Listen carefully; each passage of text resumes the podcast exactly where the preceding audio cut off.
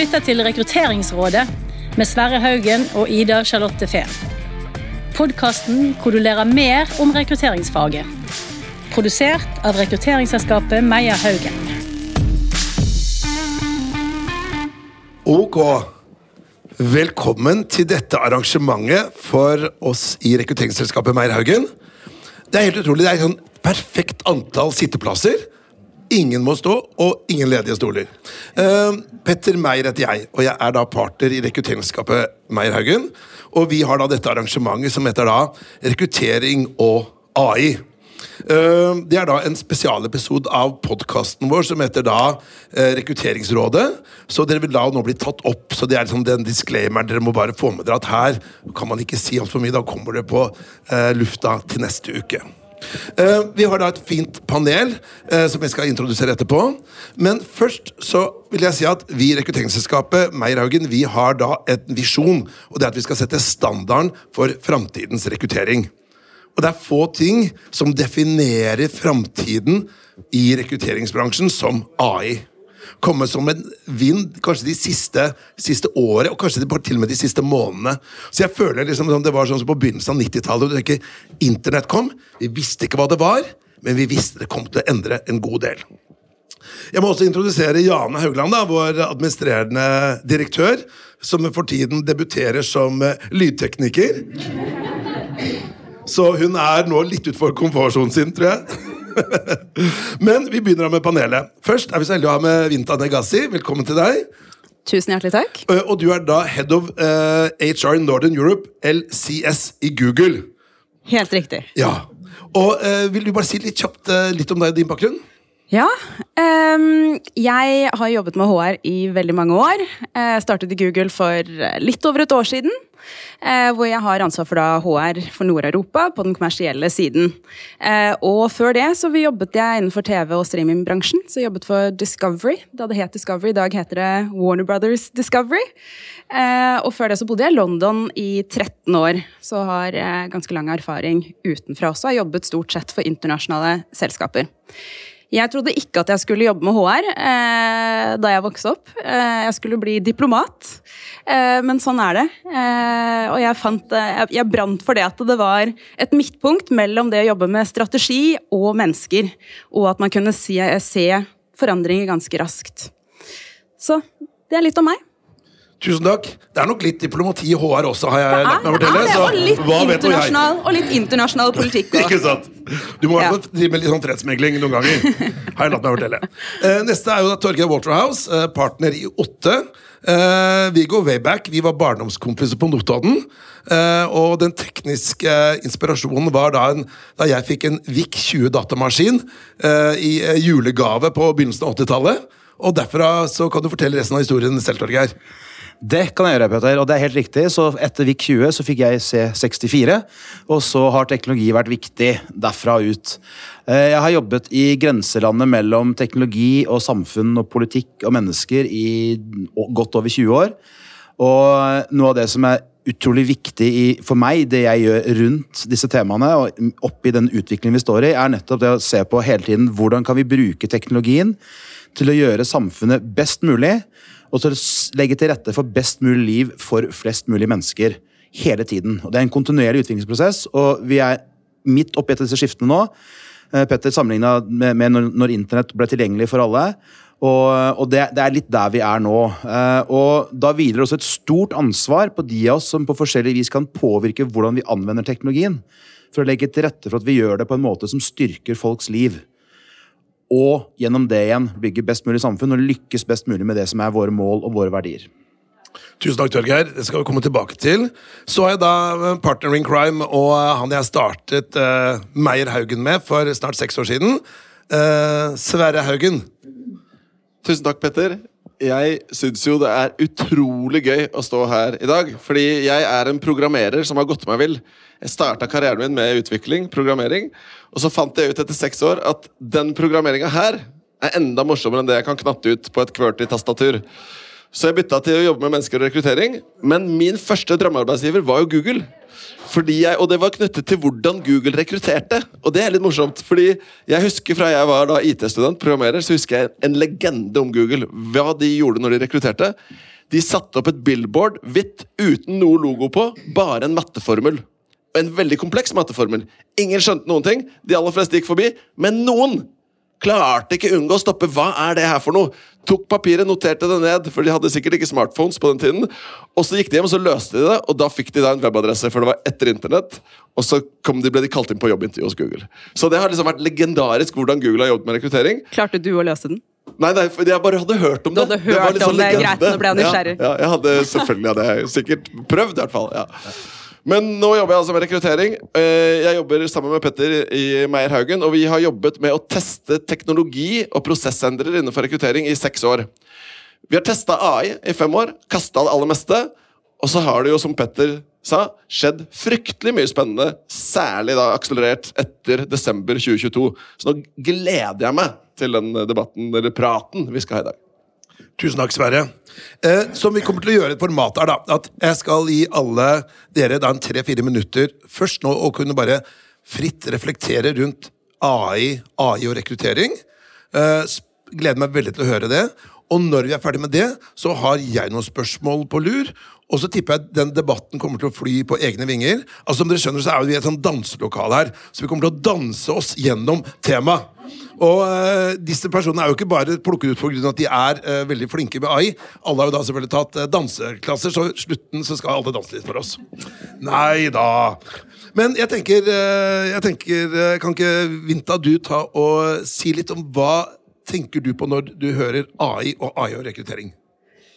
Ja, um, for å starte da, så er Vi lever jo en veldig, veldig spennende tid. Gud, for en spennende tid. Det skjer mye, det skjer raskt. Og så er det jo selvfølgelig mange som også føler at dette er, er utrolig komplekst. Vi har liksom ikke helt funnet ut av hva dette faktisk er. Um, og så eh, føler jeg at jeg har blitt inspirert i løpet av den, disse dagene jeg har vært her, eh, her i Arendal. Um, blant annet av min egen Google-sjef, Tine, Tine Jensen, uh, som har en veldig god parallell mellom AI og en gaffel. Er det noen som har hørt den ennå? Men jeg forteller den igjen for de som ikke har hørt den. For jeg synes den den er så bra. Og det er en gaffel i seg selv. Den er verken god eller dårlig. Men eh, det kommer helt an på hvordan man bruker den. Den kan bli brukt for å spise pasta, spagetti, gulrøtter, men den kan også bli brukt ikke sant? For, å, for å utføre noe skade. Eh, som eksempel å stikke noen i øyet. Det er liksom det eksempelet som brukes. da, ikke sant? At det kan, det kan faktisk bli brukt i, eh, i, i to veldig ekstreme retninger. Men det kommer helt an på hvordan det brukes.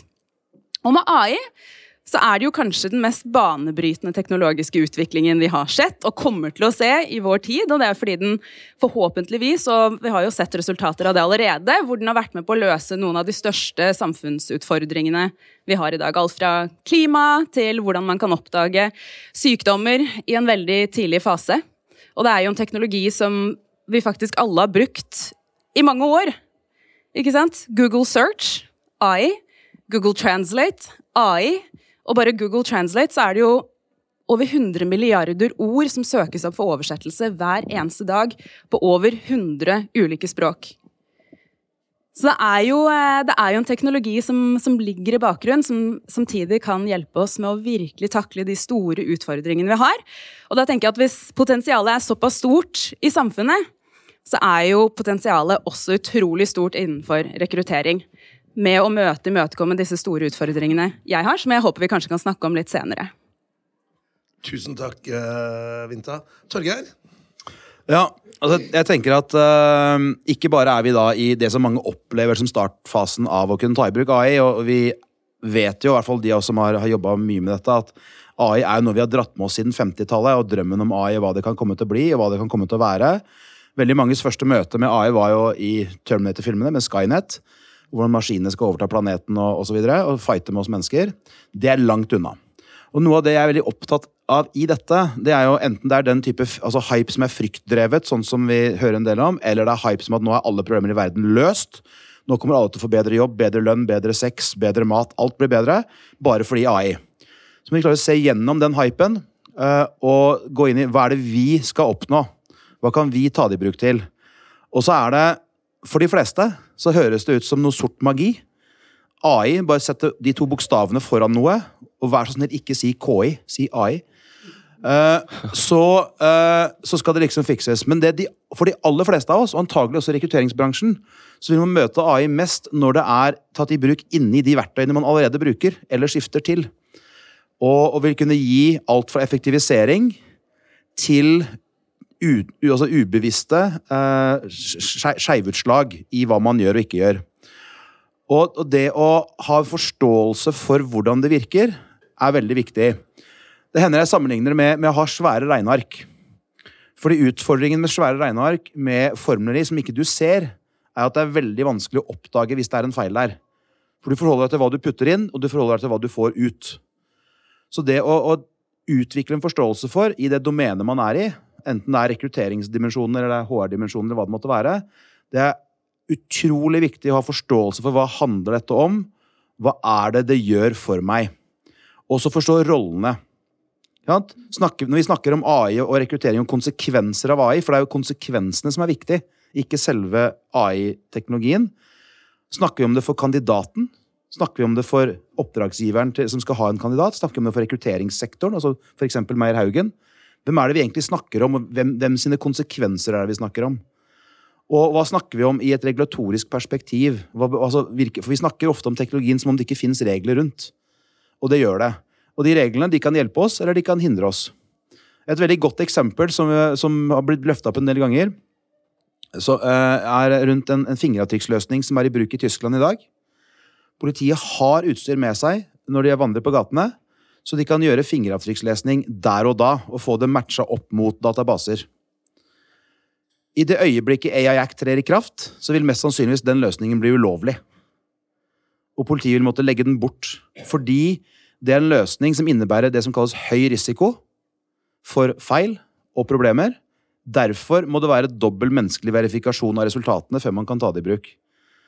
Og det kan ikke gjøres av de som skal lese noens fingeravtrykk. Så hvis, da må eventuelt hver eneste politibetjent ha med seg to eksperter som går sammen, sammen, med det, for å verifisere AI-løsningens resultater. Og det er litt av den dimensjonen vi skal lykkes med. Så jeg er mer bekymra for at vi mennesker roter det til når vi forsøker å beskytte oss, enn at AI-systemene skal være skadelige for oss. Og jeg er mer bekymra for at vi ikke har nok forståelse for etikk og filosofi og historie i hvordan vi anvender teknologien, enn jeg er for selve teknologien. Som med andre ord mennesker.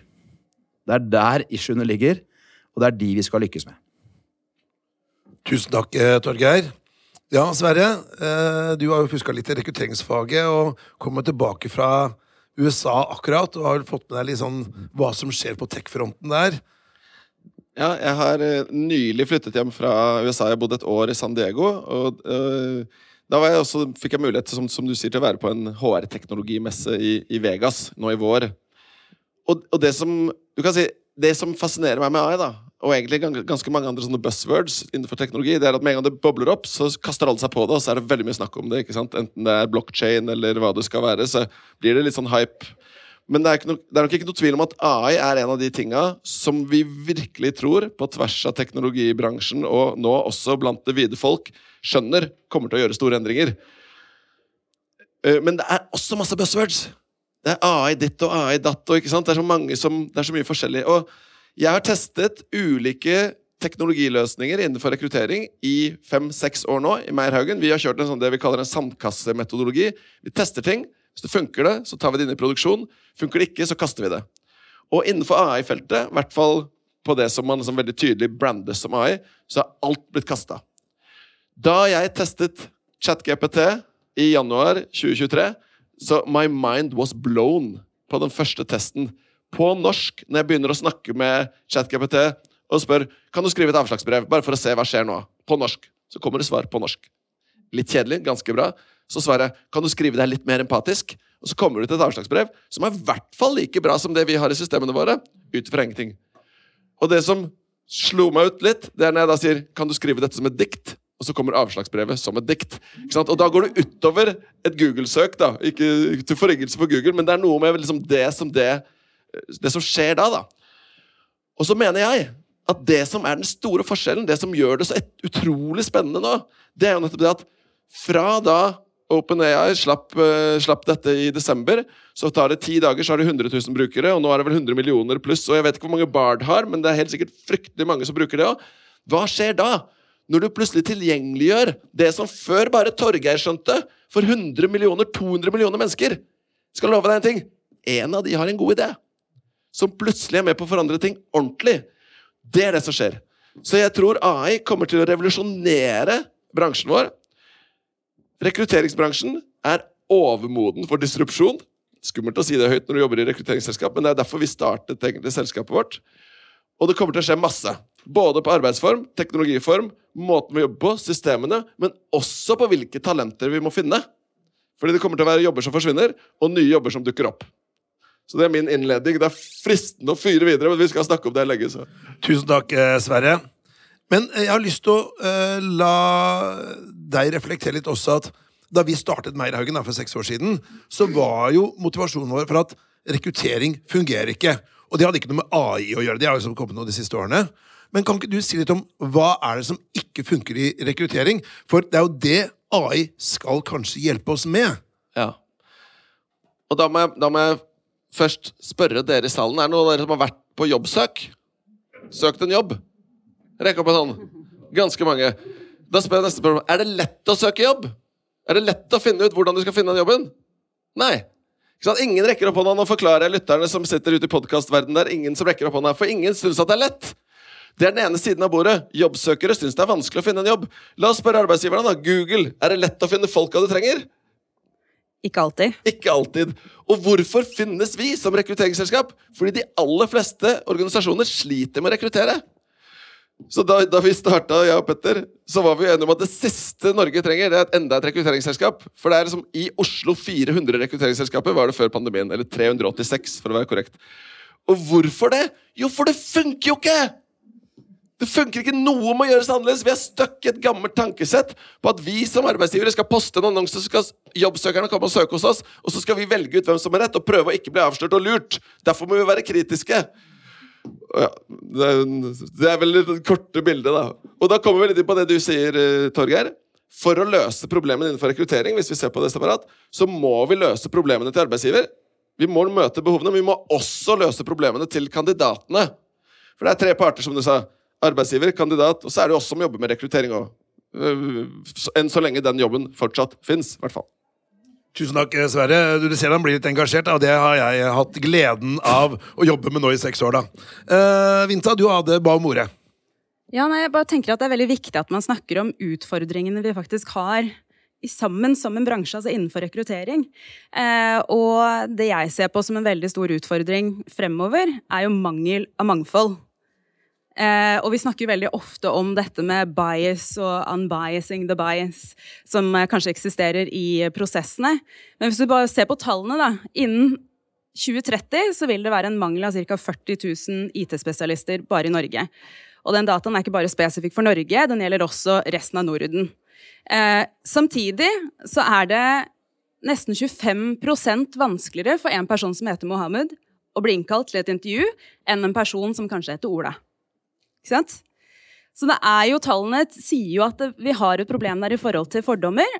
Og der håper jeg at hvis vi sammen kan si at dette her er, er et problem, og vi må prøve å tette igjen det gapet i forhold til å finne det talentgapet. Så må vi også imøtekomme de, eh, de utfordringene vi har i forhold til, til, fordommer. Og der håper jeg at AI kan være med som et verktøy, ikke en løsning, men et verktøy bygget inn i systemer for å, for å signalisere at det er noen fordommer som foregår, eller at det kan være et system som gjør at vi kan se utenfor vårt nettverk. Ikke sant? Vi bruker jo, rekrutterer bruker jo sitt eget nettverk. Du tar en telefon, kjenner du noen? Det er en rolle. Men Norge er jo et såpass lite land, og det, blir, det bassenget blir jo enda mindre når man, ser, når man ser, på det innenfor en spesifikk bransje. Eh, og nå som du snakker om at AI kommer kanskje til å endre type kompetanse og roller man har, eh, man har, behov for fremover, så er det jo veldig viktig at man også kanskje kan bruke AI for, til, å, til, å, hjelpe oss med å se utenfor, uh, utenfor det bassenget vi har tilgang til. Tusen takk. Eh, Torgeir også, Sverre. Ja, og Her er du inne på noe av det som er kanskje kjerneutfordringen for oss som mennesker. Nemlig at eh, prosessene våre, reglene våre, teknologien vår osv. er jo et speil av oss. Og hvilke holdninger vi har hatt, og, og hvilke holdninger vi har utvikla over tid, og hvilke valg vi har tatt, hvordan vi har prioritert osv. Så, videre. så Så i, i det så ligger jo nettopp at vi må ha veldig bevisst forhold til hva vi ønsker å oppnå, hvilke verdier som skal ligge til grunn. Og vi må være bevisste på at teknologien vi anvender, den vil forme og påvirke hva vi også gjør. Så måten vi tar i bruk teknologien på, er premissgiver for hvordan vi organiserer hverdagen vår fremover. Og, og Du brukte jo som eksempel annonse. ikke sant, Sverre? Og, og, og, det er jo et resultat av at på et eller annet tidspunkt så var det noen som tenkte at siden det går an å trykke ting på papir, så kan jeg lage et, annon altså et annonsesystem og selge annonser. Og så begynte man å fylle inn tekst imellom, så mennesker skulle gidde å plukke opp dette papiret og, lese om noe annet, og dermed bli eksponert for annonsene. Og en av utfordringene våre, hvis du ser på de første ti årene, eller egentlig fremdeles, nettmedier, så er det jo veldig mye fremdeles et speil av litt tilfeldig utvikling av hvordan papiraviser ble. Så En av utfordringene for oss i denne fasen vi er i nå, det er liksom hvordan skal vi klare å fristille oss mindset-messig fra hvordan vi gjorde ting før, og hvordan vi gjør ting i dag, som er resultatet av teknologien vi hadde tilgang på før.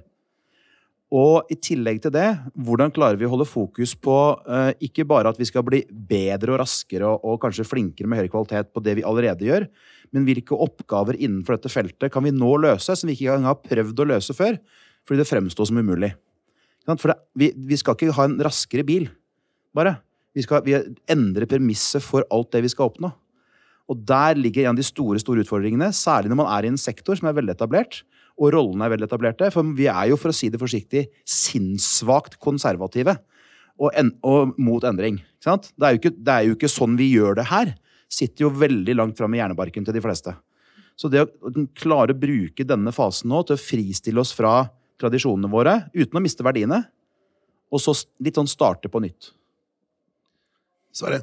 Ja, tusen takk. Eh, Det er jo så mange gode poenger at det er vanskelig å vite hvor man skal begynne. Men for å ta det, du trakk fram, da, Vinta, om mangfold.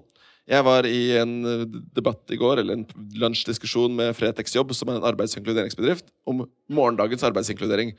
Der var det politikere, det var sånne som meg, det var folk fra NHO og bransjen og næringslivet osv. Da var det ene viktigste poenget jeg trakk fram, mener jeg selv, det mangler en aktør, og det er teknologiaktørene. Fordi hvordan kan du løse mangfold og inkludering uten å også dra nytte av det som ligger på teknologisiden? da? Og så er det også sånn at uh, når vi ser på det potensialet som ligger i teknologi da, innenfor rekruttering og AI, så må vi tenke på okay, men hva er egentlig rekruttering. da? Det handler om å få en person inn. ikke sant? Og da må du først, i hvert fall i det tradisjonelle perspektivet, ha et utvalg av personer å velge blant. Og da kan du enten annonsere i gamle aviser eller på nett eller hva det er, eller på Google eh, AdWords eller, eller andre ting og håpe at de kommer inn til det. Og mange ganger så vet vi at ja, men det funker ikke nødvendigvis. Så må vi ut og finne dem. Da Så jobber vi med search. Da snakker man med sånne som oss. ikke sant? Eh, men det handler om å få tilgang til kandidater. Og så kommer det andre. Hvordan finner du ut hvem du skal ha? Hvem som er rett? Hvordan rekrutterer du riktig person? Og disse problemstillingene er jo veldig forskjellige. Og bransjen, hvis du ser på faget rekruttering, er jo veldig vinklet ut på seleksjon. På at du skal ha evnetester, for det er bautaen i forhold til det, det predikerer jobbprestasjon. Hvor mye forskning er det på motivasjon? Hva skal til for at du har det gøy på jobb? For at du virkelig blomstrer og blir din beste? ikke sant? Veldig lite forskning på sånne ting. da. Men innenfor både attraksjon, koble de rette jobbene med de rette menneskene, og innenfor å plukke ut de riktige menneskene, så kan og kommer teknologi til å være utslagsgivende. Og så får vi passe på å bygge den teknologien sånn at den tar vare på det perspektivet du har. da, Vinta. Veldig enig. Ja. Eh, og så tenker jeg at eh, vi må, vi må, stille oss kritiske når vi skal kjøpe et nytt system, eller når vi ber om eh, det innholdet vi trenger, eh, og, og, holde eh, tech-verdenen ansvarlige. Eh, bare innenfor Google så lanserte vi syv ulike prinsipper som er eh, på en måte grunnleggende når vi utvikler AI. Og det er alt fra at hvis vi skal utvikle et produkt, så må det gagne samfunnet positivt. Det er grunnleggende. Hvis vi skal utvikle et produkt, så skal det ikke forsterke fordommene som allerede eksisterer i samfunnet. Det skal forsøke å redusere fordommer. Eh, det skal være en åpenhet. Personvern skal sikres. Eh, du skal kunne holde et team ansvarlig for en teknologi hvis den utvikles. Det skal ikke bare være et system som flyter et eller annet sted. Eh, og jeg tenker at det er veldig viktig at eh, når man da etterspør et system, at man har det i eh, baktanke. Men at vi også kommer sammen og på en måte får i gang noe sånn profesjons, en type profesjonsetikk. Altså hvordan skal vi i rekrutteringsbransjen forholde oss til AI? Det er et veldig godt poeng. Men hvis jeg skal da um, Når man da hører folk som prater om AI og rekruttering, da, så har det vært noen som sier at denne jobben kan man jo fristille fra mennesker.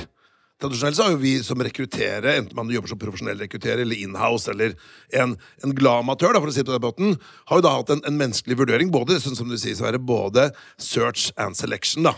Eh, men nå prater man jo om, om software som kan gjøre hele den jobben. Både finne personer, la oss si på LinkedIn, kvalitetssikre de, og gi dem et tilbud. Eh, kommer vi dit noen gang? Begynn, du. Ja, eh, ja. Korte svar er ja. Men det betyr ikke at vi kommer dit med alt og alle. Det er en enorm forskjell på om du skal ha noen til å, til å bære ølglass på uteserveringen din fra mai til september, eller om du skal finne den som skal endre forretningsmodellen til et gigantkonsern. Så det handler jo veldig mye om, om hvilke prosesser man står i, og så handler det veldig mye om hvordan man menneskelig også interagerer. Fordi at eh, hvis du tenker deg som å komme dit som et menneske aldri er i kontakt med rekrutteringsprosessen, så er jo svaret nei. Men, eh, men hvis du tenker at det skal være mulig å gjennomføre en rekrutteringsprosess hvor, hvor noen gir en prompt inn, og så kommer det ut i andre enden en, en kandidat som får noe tilsendt, og som trykker på et sted for å signere, og hva det måtte være, det vil være teknisk mulig. Men da er vi tilbake til at det handler om våre verdier og hva vi vil. Fordi vi kan gjøre nesten alt vi klarer å se for oss, nesten helautomatisert, med teknologi.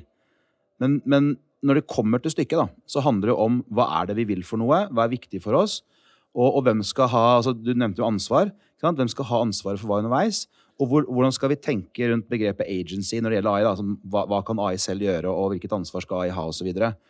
så um, for meg så er det sånn at det er lettere, eller mer hensiktsmessig å tenke på AI som en hjelper enn noe sånn stort mystisk noe. Og, og du kan jo vri spørsmålet så kan du si, er det mulig å ansette noen ved hjelp av f.eks. dere i Meyer Haugen uten å være involvert selv i det hele tatt. Og det er jo mulig. Jeg kan si det. Finn en person, så kommer dere med en person til slutt. Og så er jo spørsmålet det, går det bra eller dårlig, osv. Men ja.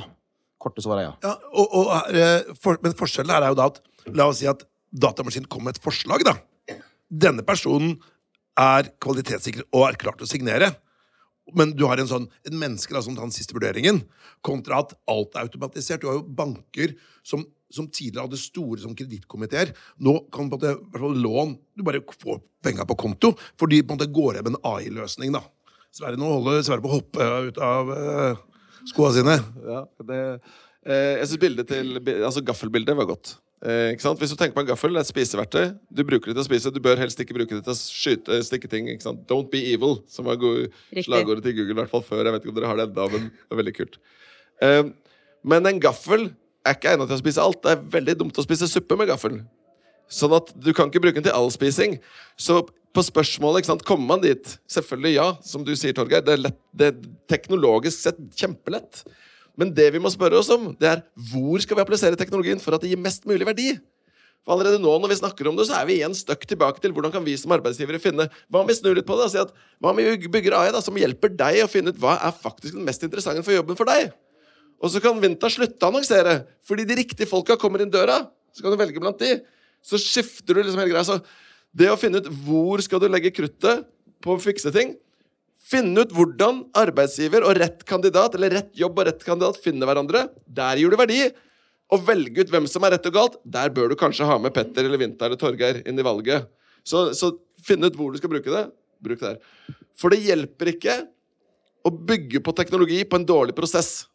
Du må tenke god prosess, du må tenke utfordre paradigmer. Så kan du putte på teknologi. Da kan det bli spennende. Ja, og, dette er jo egentlig litt som med med bokbutikkene våre. Ikke? Bokbutikker er egentlig bare et lager. For at bøkene skal være nære nok der folk skulle Altså de fysiske bøkene, de papirgreiene. Eh, for at de skal være mulig å få tak i. For hvis de bare var, nær forfatteren, så ville ingen kunne bli lesere for å få tak i bøkene. Så vi lagde bokbutikker som egentlig bare er lager. Og så har de utvikla seg over tid og fått nye roller og nye oppgaver og blitt noe mer for menneskene. Og det er jo akkurat det som du, som du sier, Sverre. Hva er det vi trenger å gjøre for å lykkes, og hvordan skal vi utvikle det over tid? Og den dimensjonen er helt avgjørende. For vi har også en tendens til å ende opp med å snakke om teknologi som at nå er den klar, nå er den ferdig, nå gjør vi det sånn. Og så venter vi ti år, og så får vi noen til å evaluere, så lager vi en komité som diskuterer og vurderer om man skal gjøre mer, noen andre greier. Så når det gjelder AI, eh, kanskje særlig da, med tanke på den teknologien vi har hatt de siste årene, så får vi nå et skifte som representerer eh, en, et skifte også til i mye større grad ha, en, si, å være i produksjon, da, som du sa, ut av sandkassa og inn i produksjon, handler om kontinuerlig endring og tilpasning. Og ikke et 'nå er det sånn, nå er det sånn'. Og merk hva ChatGPT gjør, som er et bitte lite hint om dette. Det er at det står, står helt nederst så står det hvilken versjon det er. Nå er det 3. august-versjonen. Hvis jeg husker rett, så var forrige versjon 28. juli-versjonen. Så det der kontinuerlige utviklingsløpet er viktig å forstå, og det gjør noe med hvilken kompetanse må de som anvender verktøyene ha. Fordi at det verktøyet du brukte forrige uke, det er ikke det du bruker lenger. Og det agerer kanskje annerledes, og det betyr noe for hvordan du skal jobbe og tenke. Og føle. føle. har lyst til å spille Vinterens spørsmål. da. Dere i Google dere er jo da både eh, en stor hva skal jeg si, internasjonal rekrutterer til dere selv, samtidig så lager dere de verktøyene selv som dere bruker. Tar dere deres egen medisin, eller tenker dere nei, nei, disse verktøyene er altfor farlige til å slippe løs på rekruttererne? Nei, altså jeg vil jo si at Vi er jo ganske privilegerte eh, i det at vi har muligheten til å satse ganske store ressurser inn i rekrutteringsprosessen vår. Eh, og Du nevnte noe om rekrutteringsprosessen vår, men den er jo ja, den kan man lese ganske mye om. Men det er jo alt fra at eh, alle ledere må gjennom eh, et kurs, de må bestå kurset. Eh, vi har komiteer som kommer sammen, der skal det være mangfold. Og det er en veldig sånn Det er en struktur da, til hvordan vi gjør det, og i forhold til de spørsmålene vi stiller, og hvordan vi da ender opp med, med svaret. Og så tenker jeg at AI altså hvis det er jo andre selskaper der ute som kanskje ikke har de samme ressursene som det Google har. Eh, og da tenker jeg at hvis de vil ha den samme Google-effekten, eh, så er jo AI et kjempebra verktøy. Eh, men så tenkte jeg også på dette med, med AI, hvor du sa at eh, AI kan jo ta over hele rekrutteringsprosessen. Eh, og eh, rapporter viser jo at det er ganske mange selskaper i dag som har AI altså, i bunn og grunn i forhold til videoconferencing eller screening osv. Men et spørsmål som jeg også tenker at vi bør stille, er liksom, men vil vi det? Vil vi at, eh, at eh, AI skal ta over hele prosessen i rekruttering? For det handler jo om mennesket. ikke sant? Og fra et HR-perspektiv så vet jeg at det, de beste tilbakemeldingene er jo når du har hatt den menneskelige kontakten. Eh, så det er bare viktig å understreke det at eh, AI kan være et utrolig nyttig verktøy eh, i, den, i den prosessen. Også med det å liksom eh, forutse fordommer og prøve å gjøre det sånn at vi kan vinkle oss unna den type, den type bias. Torgeir? Ja, jeg vil bare si nettopp. Eh, og det er, og for det, er det er de samtalene vi må inn i. Ikke sant? Hva, er, det- hva er det vi vil, hva er det vi skal ønske å oppnå, hvilke verdier har vi, hvilke mål har vi, osv. Og så for, sånn som for dere, Meyer Haugen, da, som jo er et rekrutteringsselskap, så handler det også om eh, ja, hvordan skal dere være forskjellige fra alle andre. For hvis disse verktøyene blir så gode som vi, vi antar de vil bli, hva er da forskjellen på selskapene som bruker det? ikke sant? Hvis, blir alt en commodity eller ikke? Og, og hva, hva må dere da gjøre? Eh, Enten det er deres rolle, eller arbeidsgivers rolle, eller kandidatens rolle, som du sa, hvis man flipper det rundt. Hvordan skal man i dette klare å passe på at man faktisk ser forskjellig ut? Og har, har, verd, har noen verdier og noen metoder som enten det er kunde eller arbeidsgiver eller kandidat kan bruke til å gjøre valg? For Hvis alt er helt likt, hvordan skal vi da velge? Og Det kommer til å bli en av de store utfordringene. fordi at de 300-400 rekrutteringsselskapene i Oslo på samme måte som alle, det har blitt lettere og lettere, lettere å starte, starte næringsvirksomhet fordi bl.a. cloud-tjenester, så vil det også bli lettere å drive rekruttering fordi AI-tjenester. Helt, helt, helt klart. Og, og så er det sånn at Hvis du ser på liksom hvor vi er nå, da, hvor disse endringene kommer til å komme først, eller allerede har kommet, så er det egentlig veldig grovt forenkla, mener jeg. Da, så er det liksom på tre nivåer vi kommer til å se det først. Det ene er hvordan du og jeg og vi alle kan bruke Bard. jeg snakkas jo om ChatGPT at vi må snakke litt mer om Bard. Tusen takk. Eller andre eh, large language models for å være mer effektive på jobben vår i tekst. For eksempel skrive et utkast til en tekst. Går sånn, og så kan du renvaske, renskrive det selv. Eller har du skrevet en stillingsannonse, be, be chatboten si Gi meg essensen av den her i to setninger, så ser du hva det egentlig jeg kommuniserer i denne stillingsannonsen. Og da vil det ofte være krav, krav, krav. Eh, eller hvis du er jobbsøker, Hvis jeg skal søke på denne stillingen, hva bør jeg fokusere på? Spør, stille spørsmål om sånne ting. Eller denne søknaden, hva er essensen? Denne CV-en, hva er essensen? Det er masse ting vi kan gjøre personlig. Det andre nivået, det er jo alt som skjer innenfor systemleverandørene, hvor alle de store systemleverandørene hiver seg på AI. Plutselig så får du i systemet du har brukt i mange år, popper opp en liten knapp. Vil du at vi skal skrive et forslag til en tekst for deg? Hva er det de gjør? De kobler seg backend via API-er inn til AI-en, og så, brup, så får du teksten ut der. Det er en sånn systemforbedring som bruker AI veldig enkelt. Og det siste er jo den nye som kommer, den nye vinen. Eller de kule tinga som noen kule folk lager for å løse vanskelige problemer. Og da kommer det ting. kommer masse spennende ting. Det vi ser litt på nå, titter litt på, det er en leverandør fra Canada. Hvor vi kan ta enten et Chrome extension eller inn på websiden vår, så kan vi på en stillingsannonse si til kandidatene hvis du vil sjekke om du matcher her, bare dra CV-en din over i den lille boksen her, så får du en prosent match mellom din CV-tekst og stillingsannonseteksten.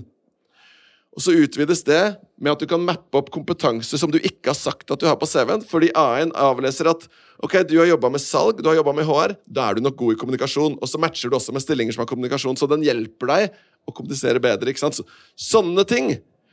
Og tenk deg igjen hva det åpner, da. Tenk hvis Finn hadde putta noe sånn. Bare dra CV-en din her. Her har du de jobbene som du passer best med på Finn.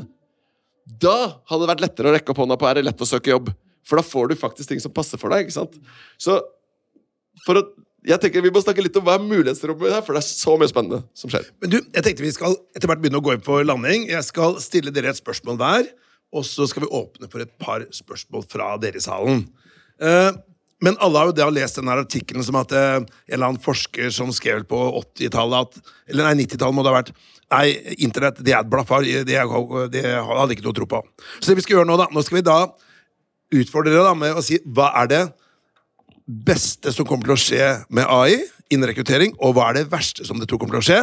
Og så skal vi da ta opp dette på bånd, og skal vi spille da om et år.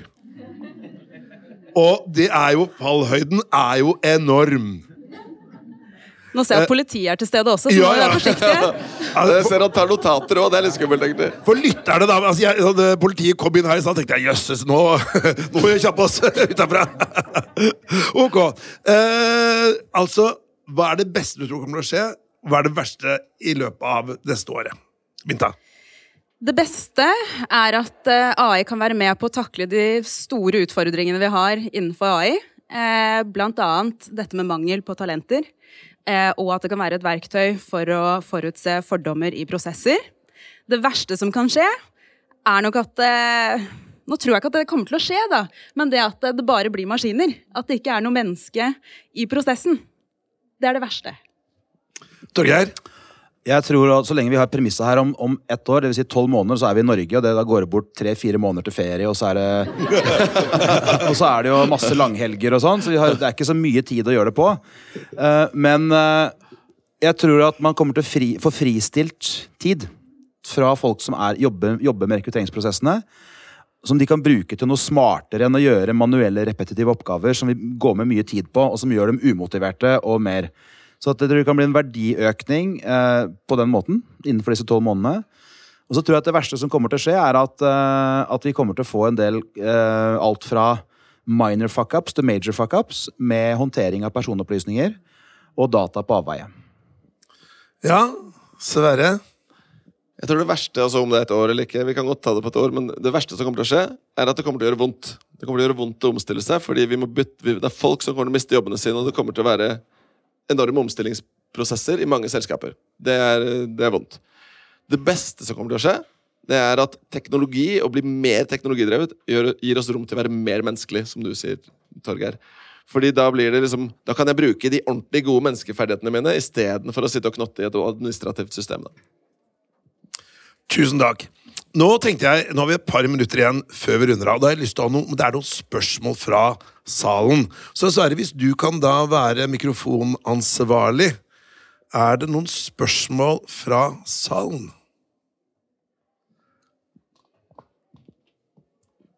Yes, jeg bare sittet og tenkt nå, Dere prata om personlighetstester og sånne ting. Det gjør jo dere mye.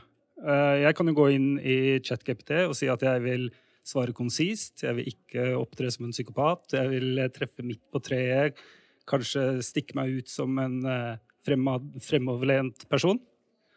Hvordan skal man avdekke det i dagens personlighetstester? Ja, Sverre. Eh, dette treffer jo oss midt i skuttesida. Ja. Nå er det Det kan godt hende at det kommer altså, teknologiplattformer, løsninger, som vil hjelpe deg med det. Eh, men de systemene som brukes mye på test i rekruttering på tvers, er fremdeles sånn at det er ikke liksom et fritekstsvar som gjør at en tekstanalyse gir deg en personlighetstest. Det finnes, by the way. Det er selskaper som Hireview som har video-interview-tools som leser kroppsspråket ditt og gir deg personligheten din. Men på det du snakker om, som er en mer klassisk gammeldags personlighetstest, så er det jo spørsmål du svarer på. Og jeg tror i hvert fall foreløpig Kanskje er det rett rundt, men foreløpig så er det vanskelig å bruke ChatGPT på det. Fordi Eller?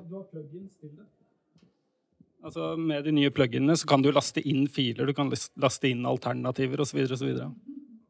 Godt poeng. Da Hvordan gikk det med fallhøyden, Sverre? Nei, nei, det går fint. Nei, men, men eh, da er kanskje det et eksempel på hvordan det fremdeles er en verdiøkende element å ha på noe menneskelig kobling. da. For det er klart, Den problemstillingen du, du beskriver, hvor du bruker ChatGPT til å fake, den er jo akkurat like relevant på, før AI, OpenAI. Fordi det samme har skjedd med CV-er og søknader. Du kan fake en CV, du kan fake en søknad osv. Så, videre. så gjør kanskje ChatGPT eller tilsvarende verktøy det lettere, men problemstillingen er ikke helt ulik. Eh, Så noe bedre svar enn det har jeg ikke, men det er liksom litt kjent på et vis. da, likevel. Eh, Torgeir? Ja, men dette, dette er jo en sånn klassisk problemstilling, egentlig. Uh, og den er ganske lik det som diskuteres i hele utdanningssektoren for tida. men Hvordan skal vi gjøre vurderinger der, og grading der? Og svar på det er jo egentlig at vi har testsystemer, uansett hvilken samfunnssektor du er i, som er basert på hvordan samfunnet har vært, og hvordan vi har interagert med hverandre. Og noe av det vi må gjøre, er å se på nettopp okay, hva betyr denne teknologien for hvordan vi tester, hvordan vi måler, og hvordan vi vurderer. Og, og, og blant annet video og kroppsspråk det er jo et godt eksempel på en måte å komme rundt det problemet på. Men du løser det ikke likevel, for du kan jo ha noe annet utenfor det kameraet fanger opp, som gir deg input.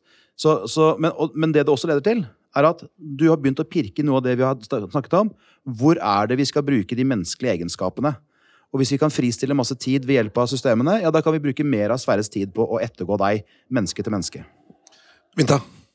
Ja, altså jeg tror jo at vi Altså, man vil jo Jeg, jeg tror at man kontinuerlig vil på en måte se måter hvor systemet kan hackes, på en måte. Da, at man finner noen snarveier. Eh, og jeg var, et, eh, tilskuer i, et, eh, i en panelsamtale i går hvor det ble sagt at eh, dette kommer til å fungere som på en måte med datamaskiner hvor man har virus, og så skapes, man, skapes det antivirus. Og så er det virus og antivirus. Så jeg tror nok at vi kommer til å se litt av det samme. Eh, det er et annet fenomen også, som jeg, vet, jeg er ikke sikker på om dere har hørt om det, som heter white fonting. Eh, hvor eh, hvis man har et AI-system som da bruker eh, nøkkelord fra stillingsbeskrivelsen til å finne eh, søknader, så er det eh, en hack da, hvor eh, de legger inn stillingsbeskrivelsen i white font med CV-en på toppen. Og så sendes den ut i PDF-form, for da kan du ikke se at stillingsbeskrivelsen ligger der. Men AI-systemet sier at å, her er det masse en skikkelig god match. Og så dukker den opp eh, toppen av bunken. Nærmest én-til-én-match. Yes. Du, Vi rekker ett spørsmål til før vi runder av. Um. Ehm, altså, det her var veldig, det her var veldig stas. Veldig stas. Hører du meg? Inni ja, radioen. Uh, men jeg tenker altså, den, her, den, må, uh, den fremtidige liksom, tanken om å Den er kanskje ikke så veldig fremtidig, men det å ha da eh, at du kan eh, liksom, snu på og se på fra kandidaten, kan se, liksom, laste inn sin CV og så matche med, frem, sant, med jobb. Eh, og så fra et arbeidsgiverperspektiv, da. En av liksom, de største utfordringene er jo faktisk å eh, konkretisere hva jobben går ut på. Fordi ja, du, vi, vi, vi lyser ut en stilling, og så skal man prøve å ikke ha 100 krav. Så du skal være, og du skal være sånn raus, og vi eh, beskriver arbeidet og hvor stas det er, og kjekt og sånn. Eh, Så, hvordan, liksom, så det, det er så mismatch også mot at vi, vi skal gå vekk fra alle kravene og hva du egentlig skal kunne, og litt om hva du skal gjøre, men vi skal fortelle hvor hyggelig og på en, sant, på en måte som er inkluderende og som treffer kvinner. Å, Det er veldig mye å tenke på. Men hvordan skal vi klare å beskrive stillingen som skal matche med kandidatene? Fordi når du begynner å jobbe der, så får du jo masse andre ting du egentlig skal gjøre. Så det er aldri liksom én til én. Eh, Hva, hva tenker du om det? Sverre? Eh, det er også et veldig relevant spørsmål. Og så, og så tror jeg, da, hvis du ser på jobbsøkerkommunikasjon Jeg har skrevet en bok for jobbsøkere en gang. Da var det sånn at liksom, du fokuserer på hvordan kan du som jobbsøker kommunisere best mulig for å formidle kompetansen din på den gode gamledagse måten uten AI og chat-botter. Men det løftet må jo gjøres også på arbeidsgiversiden. Ikke bare på hvordan skriver du en god stillingsannonse, men også på hvordan forstår du hva som er viktig og relevant å kommunisere. Men der tror jeg veien til å bruke teknologi fra Vinta sitt selskap eller andre leverandører, veien er veldig kort til å hjelpe ledere til å bli bedre. Sette opp en chatbot hvor de kan si ok, sånn og sånn, og sånn, og så hjelper de deg å skrive noe som faktisk treffer på riktig målgruppe. Stillingsanalysen er sikker på at AI kan hjelpe masse med det. Men det er et veldig viktig, relevant tematikk. Uten tvil. Jeg tenkte vi, jeg tenker vi runder av der. Eh, Vi ønsker å være på tid, vi som er konsulenter her. Eh, Tusen hjertelig takk til både Vinta, Torgeir og Sverre. Og tusen takk til dere i salen, og dere som lytter på.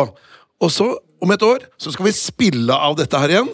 Og da inviterer dere til en ny podkast, og så får vi se om det er noe avvik fra deres prediksjoner. Men igjen, tusen hjertelig takk.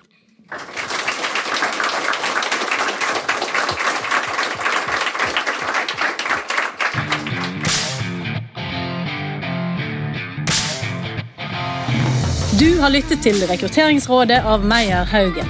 Vi produserer også Topplederpodkasten og Stillingspodkaster. Har du forslag til gjester eller tema vi bør snakke om, gå inn på vår Facebook-side Meyer Haugen.